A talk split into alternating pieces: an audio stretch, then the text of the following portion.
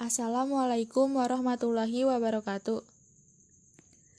Perkenalkan, nama saya Puspa Rizky Sabila dari kelas 11 IPA 3. Di sini, saya ingin memberikan ulasan tentang hubungan antara pandemi virus corona dengan imunitas tubuh. Pada dasarnya, tubuh manusia memiliki sistem imun untuk melawan virus dan bakteri penyebab penyakit. Namun, ada hal-hal yang dapat melemahkan sistem imun atau daya tahan tubuh seseorang. Antara lain, penuaan, kekurangan gizi, penyakit, bahkan obat-obatan tertentu. Oleh karena itu, fungsi sistem imun tubuh perlu senantiasa dijaga agar daya tahan tubuh kuat. Berikut ini adalah cara-cara yang bisa kalian lakukan untuk menjaga sistem imun tubuh. Yang pertama, mengonsumsi makanan bergizi. Kemudian berolahraga dengan rutin.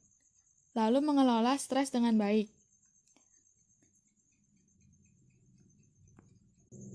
Lalu istirahat dengan cukup. Kemudian mengonsumsi suplemen penunjang daya tahan tubuh.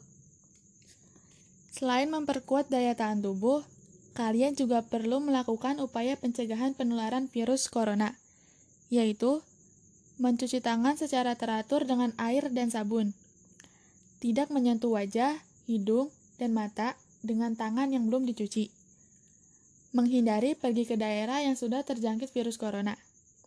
Sekian yang dapat saya sampaikan, kurang lebihnya mohon maaf.